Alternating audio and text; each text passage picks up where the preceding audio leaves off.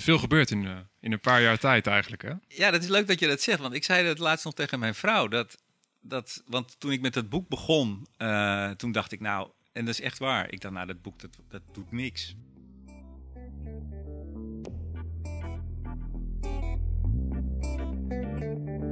Je luistert naar de Pegel Podcast. We gaan op bezoek bij freelance journalisten met onze mobiele studio.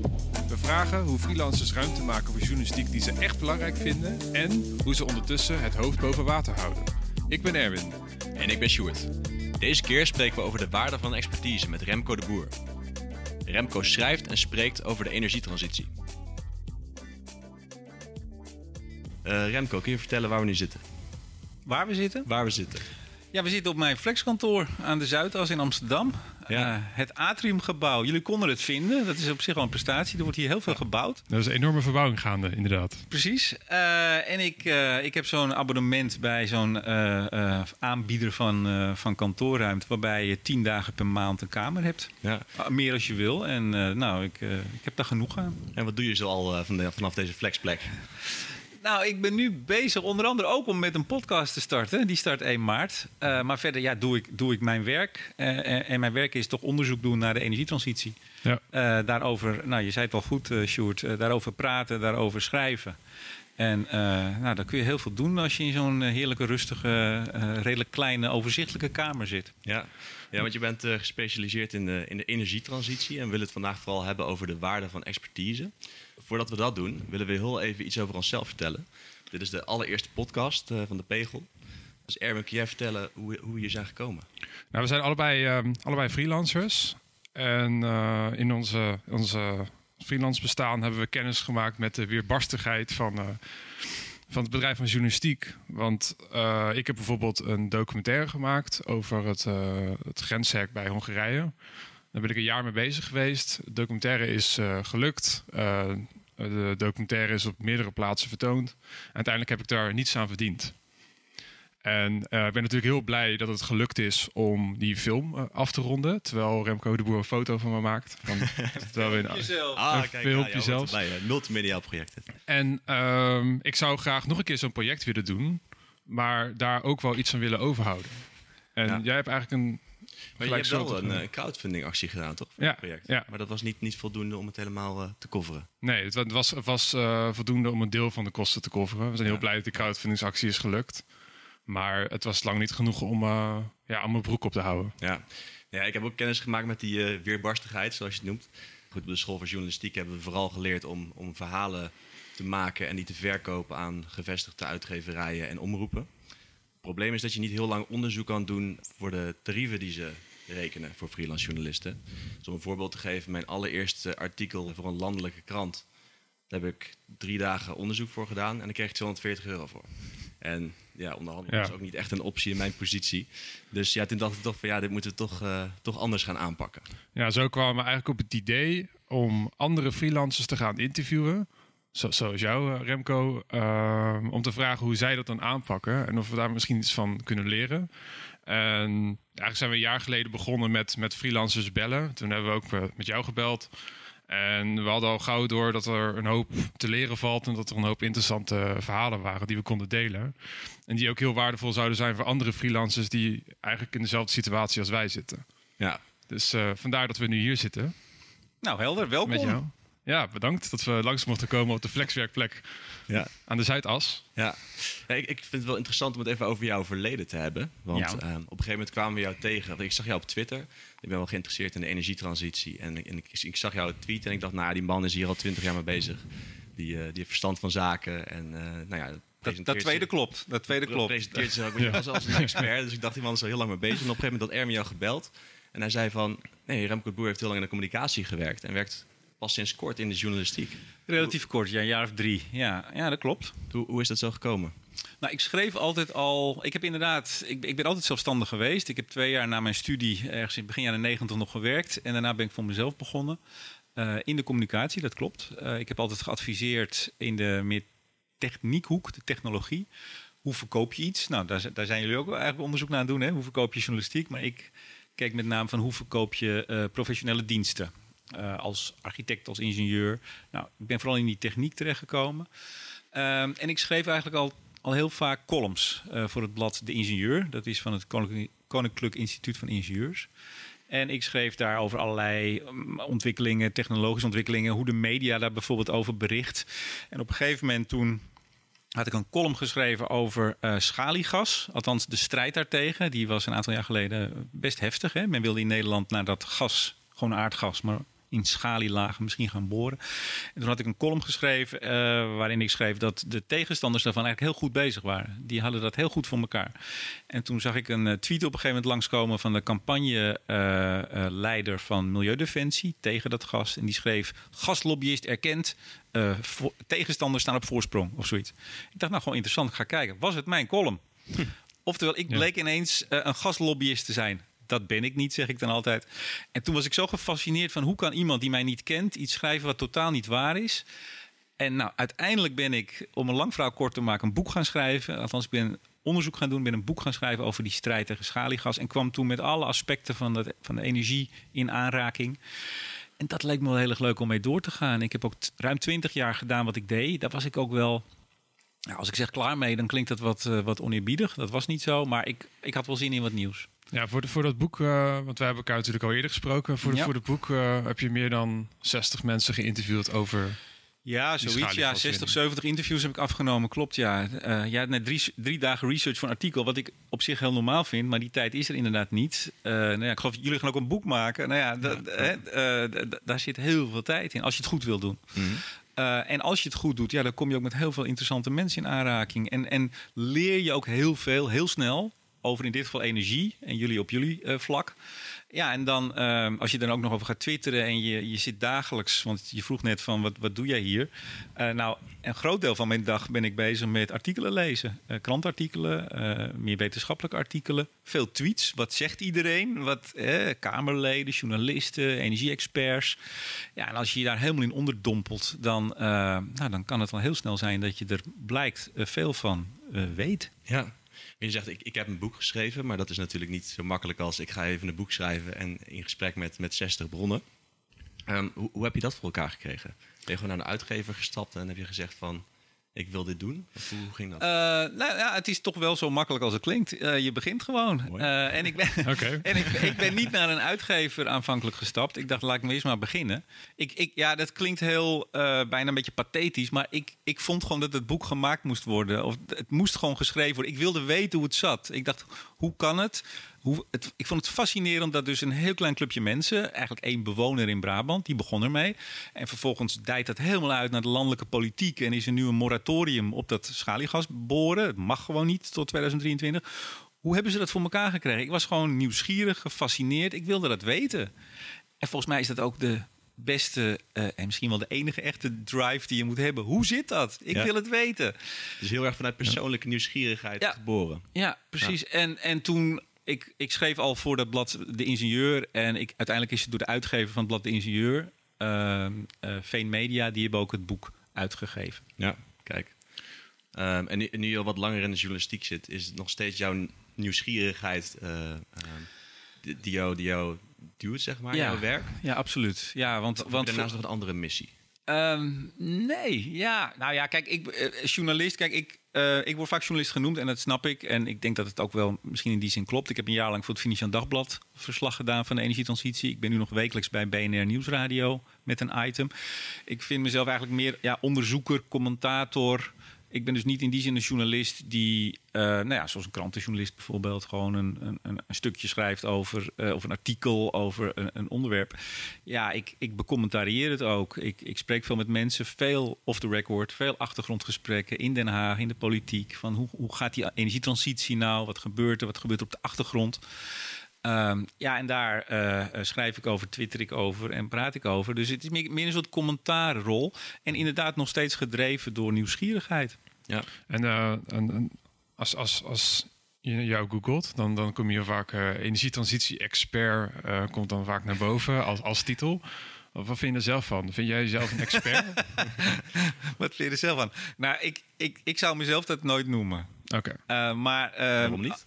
Nou, ja, ik vind het bijna een beetje aanmatigend. Uh, uh, ik, kijk, op een gegeven moment is het zo dan... bijvoorbeeld als je voor de radio... was op Radio 1 of hè, op, bij programma's... en dan moet er gewoon een, een, titeltje... of op tv, dan moet er een titel onder. Wat is die man? Ja. Uh, of er moet, een presentator moet kunnen zeggen... dit is Remco de Boer en die is puntje, puntje, puntje. Dus dan wordt er een label opgezet. Wat ik heel goed snap. Ja, ik zou mezelf niet snel expert noemen. Nee. Uh, onderzoeker, uh, commentator, uh, analist, journalist, desnoods. Ja. maar expert. Maar goed, ja, uiteindelijk als heel veel mensen het zeggen... en je krijgt ook steeds meer... er wordt steeds meer um, waarde gehecht aan jouw oordeel... want dat merk ik wel in dat wereldje... ja, dan kun je er op een gegeven moment bijna niet omheen... dat je dan expert bent. Ja. ja. Laat, vanaf welk moment zagen andere mensen jou als expert? Oeh, dat, dat weet ik. Dat boek kwam eind 2015 uit. Nou, dat is mhm. dus ruim twee jaar geleden. Ja, poeh. Ehm, nou, kijk, toen ik voor het Financieel Dagblad, uh, dat is begin 2016, toen ging ik en voor een energie-website van de FD Media Groep, Energia heet dat, en BNR en FD, een soort, soort cross-mediaal. Ik geloof dat dat niet meer een modewoord is, maar even toch, hè, dus op, op alle drie de, de platforms. Um, toen al vrij snel, ja, als je dat doet en je bent dus eigenlijk geassocieerd aan zo'n merk, want het Financieel Dagblad, BNR, dat zijn natuurlijk merken, Energia meer in de vakwereld. Uh, ja, dan word je al snel gezien van, nou, blijkbaar kan die man wat, want anders dan uh, laten ze hem niet schrijven en, uh, en praten. Dus dat heeft wel heel erg geholpen. Ja. Dat, dat er een bedrijf of een, een mediagroep een soort stempel opgeeft. Van, nou, deze man die kan wat. Een soort sneeuwbaleffect geweest zou je bijna kunnen zeggen. Ja, ja het is uh, precies. Ja, je, je, moet ergens klein beginnen. Nou, dat is dat boek geweest. Althans, dat is een soort. Ja, weet je, ik schreef dus al heel veel, maar uiteindelijk zo'n boek, dat is dan een soort, alles komt dan bij elkaar. Dan zo'n jaar lang voor die drie media. Ja, dan word je ook gevraagd om eens in het land een praatje te komen houden, om presentaties over het boek te geven. Nou, dan sta je eens op een podium en dan noemen ze ook weer expert. Dus dan denken mensen, nou, het zal wel een expert zijn. Uh, en dan krijg je weer andere uitnodigingen. Dus inderdaad, dan rolt het op een gegeven moment door. Ja, veel gebeurt in, uh, in een paar jaar tijd eigenlijk, hè? Ja, dat is leuk dat je dat zegt. Want ik zei het laatst nog tegen mijn vrouw. Dat, dat, want toen ik met het boek begon, uh, toen dacht ik nou... En dat is echt waar. Ik dacht, nou, dat boek, dat, dat doet niks. Ik had ook absoluut niet het idee dat iemand daarop zat te wachten. Uh, en toen zei mijn vrouw, nou, dat zou best wel eens wat kunnen doen. Dat zegt je vrouw natuurlijk, maar ook een goede vriend van me. Die zei, nee, dit, dit, gaat, dit gaat voor jou heel veel doen. Hmm. En ik, nou ja, dan wil je natuurlijk ook een beetje weghouden. Zo van, nou ja, weet je, we gaan het zien. Maar ik geloofde dat niet. Ik geloofde dat echt niet. En inderdaad, als je dan kijkt, dan is het ruim twee jaar. Ja, heb ik een heel ander leven eigenlijk met wat ik daarvoor had. Dus het klopt, veel gebeurt. Want hoe ziet je leven er nou uit? Als je, wat is jouw werkdag? Ja, nou dat is heel wisselend. Kijk, vroeger had ik gewoon klanten waar ik vaak heen ging. Dus die gaf ik advies, vaak directies. En ik, ik hielp ook wat met ondersteuning. Bijvoorbeeld met, met opiniestukken schrijven. nou, uh, en, en nu is het veel meer naar wat ik net al een beetje omschreef. Hè. Dus ik heb vandaag een kantoordag hier. Maar dat heb ik misschien nou één à twee keer per week. En verder ben ik heel veel op pad. Donderdag gaat er weer heel veel in de Tweede Kamer gebeuren. Afgelopen week zat ik eh, in de Tweede Kamer en een vergadering daar duurt zomaar van 11 tot kwart over 5. Gezellig. ja. ja, hoe ze het volhouden, ik weet het ook niet. Uh, ik, ik kan er af en toe de benen strekken, maar uh, nee, dus en, en heel veel bij mensen langs. Veel, veel bellen, uh, ja. veel horen wat er speelt, achtergrondgesprekken hebben om, om een beetje grip te krijgen. Nou, bijvoorbeeld, we zien nu weer met Shell hè, dit weekend dat er dan naar buiten komt van die hebben een soort verklaring ingetrokken. Trekt Shell zijn handen van de NAM af en van de aardbevingsproblematiek? Vraagteken. Nou, dan is het natuurlijk heel interessant om niet alleen maar de, de, de uh, on-the-record quotes op te halen en, en te horen, maar vooral met mensen te spreken van jongens, wat, wat gebeurt hier nou? Ja, dus eigenlijk, eigenlijk het grootste deel, deel van de tijd is het greep houden op de materie eigenlijk. Zo klinkt het een dat, beetje. Dat, ja. dat, dat, zeg je goed, ja. Uh, en, en die energietransitie is natuurlijk heel breed. Uh, dus het is ook wel voortdurend kijken van heb, heb ik dan inderdaad die greep of mis ik nog wat? En ook niet de illusie hebben dat je altijd alles maar ziet. En in die zin vind ik ook dingen als expert en zo, ja, dat. Het, ik doe mijn best, zou ik bijna ja, zeggen. Ja, ja. Uh, je, je, probeert het zo goed mogelijk te doen. En als mensen dat interessant vinden en je volgen en willen luisteren, nou, dan is het natuurlijk hartstikke leuk. Ja, dat lijkt me heel erg lastig inderdaad. Want je, je leest ook wel uh, over meer expertise van journalisten. bijvoorbeeld journalisten die zegt, nou, ik ben een technologie-expert bijvoorbeeld. Maar dan denk ik ook altijd van ja, maar ja, hoe dan? Dat is toch veel te breed om, om Ja, wat is dat? te weten en op de hoogte te blijven. Nou, misschien bedoelen ze dan, ik heb me erin gespecialiseerd of zo, hè? Van dat is mijn focus. Ja, Eh, precies, En ja. ja. nogmaals, ik zou mezelf nooit, nooit expert noemen. Eh, je zou bijna kunnen zeggen, als iemand zichzelf heel nadrukkelijk expert noemt, dan is hij het, mis- is hij het Ja, misschien wel niet. Eh, maar het, het, geeft, het helpt natuurlijk wel als je jezelf al dat label geeft, dat mensen het ook sneller gaan zien. Als jij heel vaak zegt, ik ben expert, zo Ja. werkt het wel. Dan denken mensen op een gegeven moment, nou, het zal wel. Ja. ja. Het klinkt wel als een hele, hele andere manier van werken dan. eh, nou, laat ik het zo zeggen. Er zijn veel, veel journalisten die krijgen een opdracht. En die gaan dan, naar aanleiding van de opdracht, gaan ze mensen interviewen. En daar rolt er een artikel uit. En dit lijkt een beetje de omgedraaide wereld. Jij spreekt constant met mensen. En Ja. soms komt er iets interessants uit waar dan iets over gezegd kan worden. Ja, precies. Nou, ik, ik stond een keer in de uitzending bij, eh, ehm, bij BNR en daar presenteert Roelof Hemmen. Die Mhm. was jarenlang de, de anchor bij RT, bij het RTL Nieuws en Ja. altijd heel erg actief. Nou, bij BNR, maar ook op andere plaatsen. En die noemde het eh, slow journalism, langzame journalistiek, die Ja. ik eh, bedrijf. Ik, ik wist niet helemaal precies wat het betekent. Ik heb het opgezocht. Maar ik, ik, ik geloof dat het inderdaad zo is. Dat je dus heel veel tijd neemt. Dus eigenlijk zoals je, precies zoals je het zegt, andersom doet. Je, je, je zit in een onderwerp, je spreekt met heel veel mensen, je, je onderhoudt een heel groot netwerk. En daar komen op een gegeven moment eh, eh, dingen uit. Nou, ik ga vanaf 1 maart dus die podcast doen. Nou, dat, dat is een zo'n van die uitingen die dan daaruit Even voor de, voor de luisteraar die nog niet ingeschakeld was. Oh, hadden we dat Eh, nog niet verteld? nee, dat- Oké. Nee, volgens mij niet. Nee. Wat, eh, Eh, wat, wat ga je doen met de podcast? Ja, ik ga wekelijks, eh, en daarom kijk ik ook met, met interesse naar jullie apparatuur en hoe jullie het aanpakken. Ik ga vanaf 1 maart een energie-podcast doen over de energietransitie, Studio Energie. Ja. Het lanceringsfeestje staat alvast gepland. Dat is belangrijk hè, voor het netwerk om uit te nodigen. Nee, ik ga wekelijks scherpe gesprekken houden met de hoofdrolspelers in de energietransitie. Eh, want ja, iedereen heeft wel een soort beeld over die transitie. Maar hoe zit het nou echt? Hè? Dat, Ja, dat is eigenlijk altijd de vraag, natuurlijk ook in de journalistiek. Wat, is de, wat, is, wat zit erachter? Hoe, hoe gaat het nou echt? En die nieuwsgierigheid die ik daarnaar heb, eh, die hoop ik eh, daarin kwijt te kunnen. Ik heb het alles gedaan voor BNR, voor BNR Nieuwsradio. Tien interviews voor de verkiezingen, dus een jaar geleden. Ja.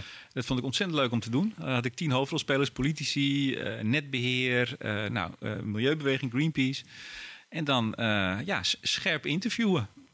En eh, niet zomaar het antwoord eh, eh, aannemen, zou ik maar zeggen. Doorvragen. Nou ja, journalistiek. Ja, ja, precies. En voor wie maak je die podcast? Is dat voor mensen uit het vak, uit het energievak, of is dat voor een breder publiek? Nou ja, hij, hij is straks voor iedereen te horen. Ja. Eh, hij gaat gewoon eh, eh, openbaar. Hij wordt gesponsord. Want dat was wel iets. We hebben het nu over eh, wat doe je. Maar ja, waar verdien je geld mee? Dat is toch ook jullie ja, dat was hè? inderdaad mijn Ja. vorige- volgende vraag. Ja. Nou ja, die, die podcast die Ja. gaat gesponsord worden. En daar daar daar zit ge- genoeg sponsorgeld in dat dat een, eh, een, een, een deel van mijn boterham eh, eh, oplevert. Ja. Want dat was de afgelopen twee jaar inderdaad eh, lastig. Wie, zijn, wie zijn jouw sponsoren? Nou, die zijn, nog niet, nu, die zijn nu nog niet bekend. Ik weet niet wanneer deze podcast live gaat, of het dan wel is. Het is binnen twee weken. Dus ik, ik denk dat... dat eh, Ja, we dat zijn nu al live natuurlijk op... eh, Uiteraard, ja, ja, maar... we zijn al live. op Ja, Facebook. Ja. dat is waar. Ik, ik, was de camera even vergeten. Nee, die, eh, die, die maak ik even op een eh, daarvoor geëigend moment eh, bekend. Ja. Maar het zijn partijen die in die wereld zitten. Dat kun je je voorstellen. Bedrijven? Ja, het zijn twee, twee bedrijven. Mhm. Ja, klopt. Eh, het zijn het meestal wel, hè? Ja. Ja. Ehm, maar je vroeg iets anders. Wat, wat was je vraag? Ehm, oh nee, ik zei van, nou ja, dat, dat, dat geld verdienen met, met dat expertschap dan toch maar even bij gebrek aan een beter woord, eh, dat het lastig is. En waar ik vooral wat geld mee verdiende de afgelopen, zeker het vorig jaar, was eh, ja, eh, dagvoorzitterschappen, het bekende dagvoorzitterschap hè, en, en lezingen geven, paneldiscussies leiden, want dat is wel het leuke. En volgende week maandag leid ik een eh verkiezingsbijeenkomst van het CDA in, ik dacht Apeldoorn, over de energietransitie. En daar komt Ed Nijpels en er komt de gedeputeerde. Dat is wel heel erg leuk. Dat op, op een gegeven moment dat meer mensen zien van nou blijkbaar is hij in staat, eh, zit hij in het onderwerp en is hij in staat om daar goede gesprekken over te voeren. Dat je dus ook wordt uitgenodigd om eh, nou, dat soort debatten te leiden. En dat is wel heel erg leuk. ja. Ja. En dat, ja, dat leidt eigenlijk gelijk tot, eh, tot de, de, de onafhankelijkheidsvraag. Eh, want, want jij bent ingehuurd voor als eh, dagvoorzitter dus. Bijvoorbeeld voor een politieke partij. Eh, en die, die nieuwe podcast die is gesponsord door bedrijven. Ja. Hoe, hoe, eh, hou je onafhankelijkheid? Kan je kritisch blijven? Ja, absoluut. Ja, Ja. nee, dat, eh, dat is, eh, eh, dat is ook- met de twee sponsors en twee, twee partijen heb ik dat uiteraard afgesproken. Geen enkele inmenging. En eh, het is meer dat zij zich associëren aan, ja, op een gegeven moment dan de naam of het merk of, o- hè, en, en ze daar een belang in zien. Maar nee, ik, ik accepteer geen enkele inmenging eh, Nee. in de inhoud. Is dat wel eens geprobeerd? Nee.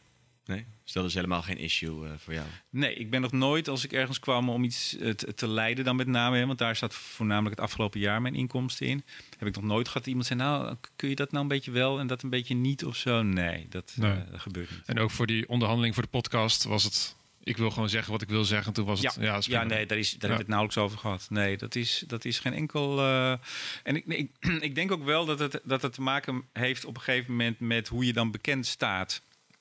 Dus op het moment dat je niet bekend bent, zou ik me nog kunnen voorstellen, wellicht dat een groot bedrijf denkt van, nou, die kunnen we nog wel een beetje een, een kant op sturen. Ja. Ik weet het niet, maar, maar eh, in die zin ben ik dan wel nu zo ver in, dat, in die energiewereld eh, eh, ingevoerd en kent men mij ook van de radio. En ja, dat, dat zou wel raar. Ja, ja, het zou kunnen. eh, eh, maar dat je dan zegt, nou, meneer de Boer, eh, zou u toch een beetje meer dit of een beetje minder dat? Dat het na het, na het openingsfeestje dan de Nee, sponsoring. ik heb, dat, ik heb het absoluut ja. niet meegemaakt. Ik zou het Nee, ook niet accepteren. Ik zou er ook niet echt boos om worden. Nou, nee, doe ik niet. Klaar. Ik, ik, ik zeg wat ik te zeggen heb. Ik vind wat ik vind.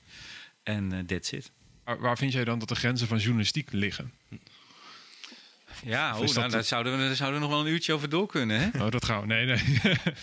Nou, dat is natuurlijk wel lastig. Ehm, ehm, heb je het dan over journalistiek in het algemeen of over dit soort meer vrije initiatieven? Want ik denk juist dat bij de niet-vrije, meer de, de, de, de reguliere media. Ja, daar is er volgens mij ook heel veel druk vanuit de, de, de advertentieafdeling en de special Ja. projects afdeling van kra- kranten en andere media op uiteindelijk redactionele inhoud. En daar is natuurlijk altijd wel eh, het adagium, daar zit de Chinese muur tussen. Hè. Er is geen enkele inmenging. Maar je hoort, ik denk dat jullie dat misschien ook wel eens horen achter de schermen, Ja. dat er toch wel subtiel een bepaalde druk wordt gevoeld om, om hè, als je, er Nou ja, zit veel denk, geld in die, in die, in die advertentiekant. Ik heb Dus- op een redactie wel eens gehoord van... eh, doe maar iets met voetbal op de voorpagina, want dat doet het altijd goed. Dus dat, ja, goed. Dat qua sponsoring of gewoon omdat mensen het leuk vinden? Omdat de kant dan beter verkoopt. Ja. Dus ja, dat, dat hou je. Ja, het is ook een beetje de discussie van, van eh, er wordt wel eens gezegd, zo- zo'n zo'n dagvoorzitterklus, die wordt dan commercieel genoemd. En wij hebben het er zelf ook wel eens over gehad. Eigenlijk is, journalistiek moet natuurlijk altijd kritisch zijn, maar het heeft altijd een commerciële kant. Dus als je dan, als je dan bepaalde klussen in, in commerciële of niet-commerciële hokjes gaat duwen, ja, dan kom je heel gauw in, in een soort, soort eh, Chinese muur-effect van, nou, dit mag je absoluut niet doen om nog ooit iets kritisch te mogen zeggen over iets anders. Ja, kijk, weet je, ik, ik, ik denk. Ehm, ik, ik heb ehm, eh, een aantal maanden geleden voor de NOGEPA, dat is de organisatie van olie en gas in Nederland, een, een, con- een congres geleid. Ja. En dat was de directeur van Shell. En eh, die ko- kondigde ik aan als zij zou iets gaan vertellen over hoe de transitiecoalitie, waar zij onderdeel van uit zijn, wat zij nou zouden gaan doen voor de transitie. Eh, en dat vond ik wel interessant, want tot nu toe had ik daar niet zoveel over gehoord. Ze riepen vooral veel dat de overheid moest dit en er moest wetgeving en van alles. Maar ik was heel erg benieuwd, wat gaan jullie nou zelf doen? En ik gaf haar die aankondiging en ze had een prachtige presentatie, een half uur lang. Maar aan het eind was mijn eerste vraag voor de zaal, ja, eh, misschien heb ik niet goed op zitten letten. Of heeft u nou helemaal niet verteld wat u zelf gaat doen als coalitie? Ja. En dat was natuurlijk een hele pijnlijke vraag. En dan kwamen mensen naar mij toe na afloop van... oeh, dat was pijnlijk, maar wat goed dat je dat vraagt. Want nou, daar ging het ook eigenlijk niet over. Nou, dat vind ik een puur journalistieke vraag. Ja, Ja. Ja. Sterker nog, een, misschien best op zo'n congres een wat pijnlijke vraag. Maar ik heb niet... eh, ook de organisatie vond het prima. Dat geeft de scherpte. En dat Ja. geeft ook vervolgens degene op het podium eh, de gelegenheid om het toch even, een, een, een, hè, even dieper te gaan en toch wel even daar iets over te zeggen hoe dat nou zit. Is die kritische noot dan niet eigenlijk juist de reden waarom jij uitgenodigd wordt? Dat denk ik wel. Dat denk ik wel. Ik heb toevallig vorige week weer twee, twee boekingen eh, binnengekregen. waarin ik inderdaad gevraagd word om die kritische, kritische houding. En als je dat dan ook nog met, want dat is wel een voorwaarde, denk ik, met enige eh, nou, humor, ja, het is niet hu haha humor, maar dat je het met een soort losheid en wel met af en toe een grapje dat er ook gelachen kan worden, kunt brengen. Ja. Want anders wordt het moet niet een soort eh, eh, Sven Kokkelman eh, hakken, hakken, hakken. Dan is het niet gezellig. Dan is het Nee. niet gezellig. Dus, Het moet dus wel leuk blijven. je moet wel een beetje weten dat je daar bent, omdat mensen toch. En dat vind ik ook, vind ik ook zelf belangrijk. Ik ga ook vaak naar dit soort bijeenkomsten. En soms zit je daar urenlang. Dat je denkt, mijn hemel. Het mag ook best wel een beetje leuk zijn op Ben, een ben je congres. dan aangesloten bij een sprekersbureau of zo? Of Nee. regel je dat allemaal zelf? Nee, regel ik zelf. Het, het is ook niet zo dat ik eh, drie keer in de week een boeking heb of zo hoor. Eh, ik kan me voorstellen als je dat hebt, dat, dat het op een gegeven moment wel prettig wordt dat, dat, dat er iemand tussen zit die dat voor je organiseert. Ja. Maar eh, nee, eh, ik, ik doe dat nog zelf. Want hoe komen mensen bij jou terecht? Ja, die, nou vaak, eh, ik hoorde laatst iemand die het ook veel doet, die zei van ja, eh, je volgende opdrachtgever zit altijd in de zaal waar je nu staat. Nou, dat is het natuurlijk vaak. Hè? Dus dat iemand zegt, nou, ik heb u daar en daar zien spreken en ik vond het wel prettig. Zou u ook onze bijeenkomst willen leiden? Ja. Zo gaat het vaak. Kijk, het lijkt me wel interessant om nog even te hebben over jouw eh, verschillende inkomstenbronnen. Want je doet heel veel verschillende dingen. Eh, Zal ik even de boekhouding erbij pakken? of Nou, niet? nou, rol, maar uit. Ik ben wel benieuwd eh, waar, waar, dan, ehm, Ja. ja. waar, waar je dan uiteindelijk het beste van kan leven. Zijn er dan toch die, eh, die, die spreekopdrachten, of het leiden van een gesprek, of het schrijven voor het financiële dagblad, of het Ja, voor combinatie een van al die dingen. Of hoe, Ja. Nou, ik, j- j- jullie zitten en komen en, en, eh, uit de dagbladjournalistiek. Eh, Nou, da- dat is geen vetpot. D- dat is, eh, jij noemde net Nee. een bedrag voor. nee, zei hij. Klopt. Nee, jij, zei, jij noemde net een bedrag. Nou, dan betaalt het Financieel Dagblad volgens mij nog ietsje, ietsje beter. Maar als je het afzet tegen de tijd die je erin moet stoppen. Ik, ik had op een gegeven moment een maandelijks een hele pagina. En daar was ik gewoon een maand mee bezig. Eh, niet fulltime natuurlijk, maar met het denken. En ik sprak soms wel tien mensen, waarvan wel de meeste telefonisch, zeg ik erbij. Maar als ik iemand spreek, ben ik zo'n uur bezig. Ja. Nou, dan je, heb je al, al tien uur bij wijze van spreken te pakken. Dus, dus nee, dat kan eigenlijk niet uit. Aan de andere kant, en dat is natuurlijk wel de kracht van zeker de goede, bijvoorbeeld een, een financieel dagblad. Ja, als je daarvoor mag schrijven, eh, zo is het ook. Hè, daar hadden we het net over. Van wat geeft nou op een gegeven moment een soort expertstatus? Nou ja, het feit dat een. Dat, dat gebruiken ze natuurlijk ook heel vaak hè, als, Ja. als, eh, als eh, verklaring dat het niet heel veel betaalt. Het is wel eervol. Alleen ik, ja, ik heb dat een jaar gedaan. dat vond ik mooi. Ehm, maar daar zou ik niet twintig jaar met vrouwen en kinderen van kunnen leven. Dat Nee. is natuurlijk het grote issue als je beroepsjournalist bent. Ja, ja. Hè? Eh, en je moet daar van rondkomen, zeker als ZZP'er. Nou, ik, ik hoorde laatst eh, wat, wat, wat gemiddeld het inkomen is van ZZP'ers. Dat, is, dat, was, dat vond ik zo bizar laag. Dat Ja. kan eigenlijk gewoon niet. Nee, dat is schrikken. Ja. Dus dat is schrikken. Nou, en dan inderdaad, ik doe ook wel eens columns. Eh, dus dan schrijf ik een column eh, op een congres en die draag ik dan voor in 10 minuten. Maar daar ben ik dus echt een week mee bezig. Nou, en, en daar vraag ik een flink bedrag voor en dat krijg je dan ook. Dus dat geeft een mooi inkomstenbron.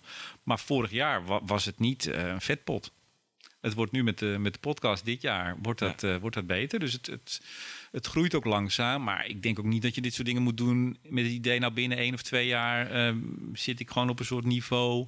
wat normaal is in een bedrijf of zo. Nee, dat, precies. je mag er wel naartoe groeien. Ja, precies. Ja, en een kan ook niet zonder het ander waarschijnlijk. Want je zegt van, het, het, eh, dankzij, dankzij het Financiële Dagblad kreeg ik een soort expertstatus. en BNR natuurlijk, ja, bij. zeker. Ja, goed. Dat, eh, en dat zorgt er dan weer voor dat je eh, later beter betaalde opdrachten krijgt. Dus het zijn ook Ja. communicerende vaten in, in die Ja, zin. zeker. Eh, alleen wat ik zeg, je, je kan het niet blijven doen. Hè? Eh, er moet op een, ze- op een gegeven moment toch een soort doorgroei. Althans, als je niet aan de bedelstaf wil, wil raken. Ja. En voor jonge mensen lijkt het me helemaal moeilijk als je nog. Ik ben al ietsje ouder. Ik heb al eh, hè, ik heb twintig jaar al voor mezelf gewerkt. Ik heb daar goed verdiend. Daarom kan dit ook. Maar wat ik nu gedaan heb de afgelopen drie jaar, en zeker het laatste jaar van het boek schrijven, had ik bijna helemaal geen inkomsten. Ja, dat kan alleen omdat ik twintig jaar daarvoor eh, heb verdiend. Maar als je, als je jong bent en je begint net, en je hebt misschien vrouwen en kleine kinderen, dan lijkt het me heel erg lastig. Wat zou dan, wat zou dan jouw, jouw eh, advies of tips zijn aan iemand die jong is? En die, die het hoort en denkt van nou, dat wil ik ook wel over mijn, over mijn dingetje eh, schrijven of, of spreken. Nou ja, ik, ik, ik denk toch dat je, dat je dan je, je, je vaste uitgaven heel laag moet houden. Eh, hè, je, je uitgavenpatroon, eh, daar, daar begint het mee. En dat je echt er vol, ja, dat klinkt zo cliché bijna, er vol voor moet gaan. Want ik, ik, en dat is ook het gesprek wat we al eens eerder hadden Ja. voor de pegel. Als, je, als, je, als je echt geïnteresseerd bent, als jij Van dit is mijn onderwerp. Ik wil hier gewoon uiteindelijk het meest van weten van iedereen. Of ik wil precies weten hoe dit zit. Dan ben ik er absoluut van overtuigd dat je daar uiteindelijk een, goede boterham mee kan verdienen. Het zal wat tijd kosten. En alleen de vraag is dus, heb je die tijd? Oftewel, kun je het met bijbaantjes of inkomen van de partner tijdelijk? Ik bedoel, dat is natuurlijk een, reële optie. Heel veel journalisten of ZZP'ers hebben dat. Dat ze toch nog een beetje uh, op, de, op het inkomen van uh, hun partner kunnen ja, leunen. Tijdelijk, denk ik. Dat lijkt me wel. Nee, dat, hè, dat zou niet permanent moeten zijn. Ja. maar als je, als je er echt vol voor gaat, dan komt het goed. Dat geloof ik echt. Ja.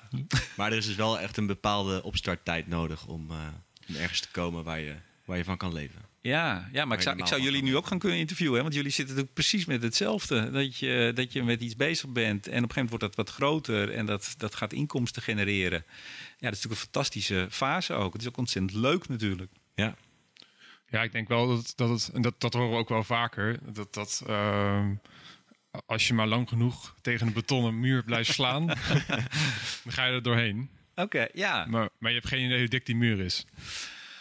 Ja, nee, ja, nee. Dus er dat, dat ruik ik ook een beetje in dit antwoord natuurlijk. Ja, zeker. Ja. Er zijn natuurlijk geen garanties vooraf dat je weet, nou ja, oké, ik moet even dit doen en dan over anderhalf jaar of twee jaar dan, uh, ja. dan is het ben ik er doorheen. Nee, dat geloof ik niet.